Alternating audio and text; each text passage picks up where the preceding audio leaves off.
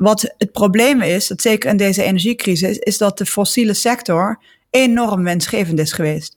En omdat die financiële instellingen zelf ook beursgenoteerd zijn vaak, is het heel moeilijk om te zeggen dat doen we niet meer. Want ja, dan gaat je koers naar beneden. En als je koers naar beneden gaat, kan iemand jouw bedrijf overnemen. NPO Radio 1 EO Podcast. Geld of je leven? De vraag van vandaag. Met Sandra Flippen, Sander Heijnen en Hans van der Steeg. Bart Verbrugge die vraagt zich af: maak ik maatschappelijke impact met mijn keuze voor een verantwoorde verzekeraar of bank? Ja, dan wordt het heel stil opeens bij de hoofdeconoom van de ABN AMRO. Ja, beginnen we bij de bank? Of, ja. Uh... ja, beginnen we bij de bank. Die nemen? Vind ik wel leuk. Het antwoord is volgens mij uh, ja. En ook uh, steeds meer, zou ik zelf zeggen. De, de, politiek doet natuurlijk heel veel hè, om maatschappelijk verantwoord beleid te bevorderen. Er komt steeds meer klimaatbeleid, et cetera.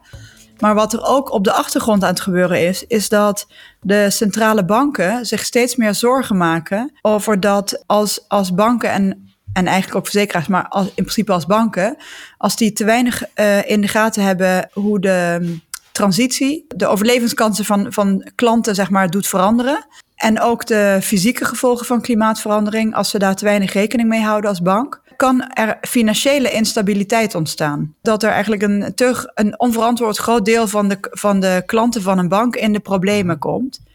En dus wat zo'n centrale bank doet, is eigenlijk dwingt de banken om dit in kaart te brengen. Dus te weten van, hey, wat komt er in de toekomst op ons af qua die energietransitie en klimaatverandering? En op basis daarvan eigenlijk het beleid bijsturen in een bank. En dat betekent dat banken die daarin voorop lopen, die nemen meer maatschappelijke verantwoordelijkheid. Want die zijn actiever bezig om hun leningen eigenlijk te sturen naar die kant van de economie waar het groener is, zeg maar. Ik denk eerlijk gezegd zelfs dat die invloed van die, van die kredietkeuzes van banken, dat die bijna nog effectiever gaat zijn dan wat de overheid doet aan beleid. Ja, want als ik daarop mag inhaken, iedere keer dat een oliebedrijf dat die een nieuwe olie- of gasveld willen gaan ontginnen, dan gaan ze gewoon naar die financiële sector met de pet rond uh, uh, om geld te lenen om zo'n uh, investering te doen. Hè. Er moeten eerst miljarden worden geïnvesteerd voordat je tientallen miljarden uit een olieveld kan, kan oppompen aan waarde aan olie. En op het moment dat die banken aan blok zouden zeggen, wij steken daar gewoon geen geld meer in, wij doen dat niet meer ja, dan, dan zal je zien dat die fossiele bedrijven steeds meer moeite hebben om überhaupt uh, te beginnen met het oppompen van fossiele brandstoffen. En als het geld dan wel beschikbaar is voor uh, bijvoorbeeld windparken op zee of andere duurzame winningen, ja, dan, dan kan je uh, zeker uh, als financiële sector een enorme sturende kracht zijn in die energietransitie. En als, uh, als je kiest voor zo'n bank die dit daadwerkelijk doet, ja, dan, dan ja. maak je met jouw geld ook een klein beetje impact en help je een beetje om het systeem de goede kant op te sturen. Wat het probleem is, dat zeker in deze energiecrisis, is dat de fossiele sector enorm wensgevend is geweest.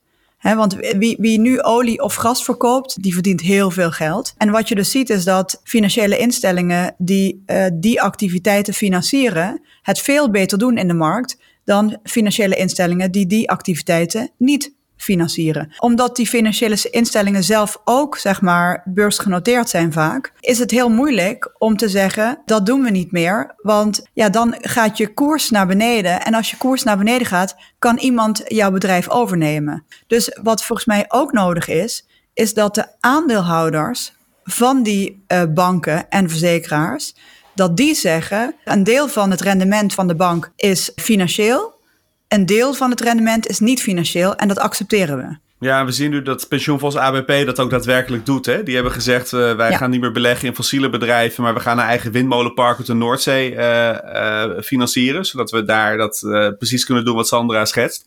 Maar volgens mij wat Sandra schetst is ook gewoon een pleidooi dat je het niet aan de markt alleen kan overlaten. Je hebt gewoon een overheid nodig, ook die stuurt. En die die overwinsten uh, op die fossiele uh, brandstoffen gewoon wegbelast. Zodat dat uh, eigenlijk geen perverse prikkel meer is in dit systeem. Maar gegeven dat een overheid dat op dit moment zeg maar, nog niet op grote schaal doet, is het denk ik het tweede dat aandeelhouders zeggen: we laten deze bedrijven wel concurreren in de markt. Maar de enige manier om dat voor elkaar te krijgen is door te zeggen: een deel is financieel rendement en een deel accepteren wij maatschappelijk rendement. Dat wil dus zeggen minder winst. En je moet ook naar de langere termijn kijken. Hè? Dus je hebt een fenomeen dat heet stranded assets. Ja. Hè? Dus die fossiele bedrijven die hebben een heleboel olievelden op hun balans staan. die volgens de klimaatakkoorden van Parijs eigenlijk helemaal niet meer ontgonnen mogen worden. Die olie moet in de grond blijven. Nou, op het moment dat die fossiele bedrijven daadwerkelijk dat in de grond gaan laten, uh, dan zullen ze die uh, uh, moeten afschrijven van hun balansen. Ja, en dan zullen die koersen en de winsten in elkaar kukelen van die fossiele sector. Dus het is ook wel op de langere termijn een financieel risico om te blijven beleggen in die fossiele bedrijven. Maar het probleem is inderdaad, de korte termijn is het nog zo winstgevend. Genoeg huiswerk uh, voor Bart. Ik vind het best wel knap. We hebben dit gewoon uh, heel veel tips aan Bart gegeven zonder überhaupt één naam te noemen van een, van een, van een bank waar die dan uh, terecht zou moeten. Dus het is een, heel, een, mooi, een mooi gewogen advies dit. Goed, heb jij ook een vraag aan Sander of Sandra? Of aan allebei natuurlijk, dat kan ook. mail dan naar podcastradio1.eo.nl. Dit was hem voor vandaag. Morgen weer een nieuwe vraag. NPO Radio 1 EO Podcast.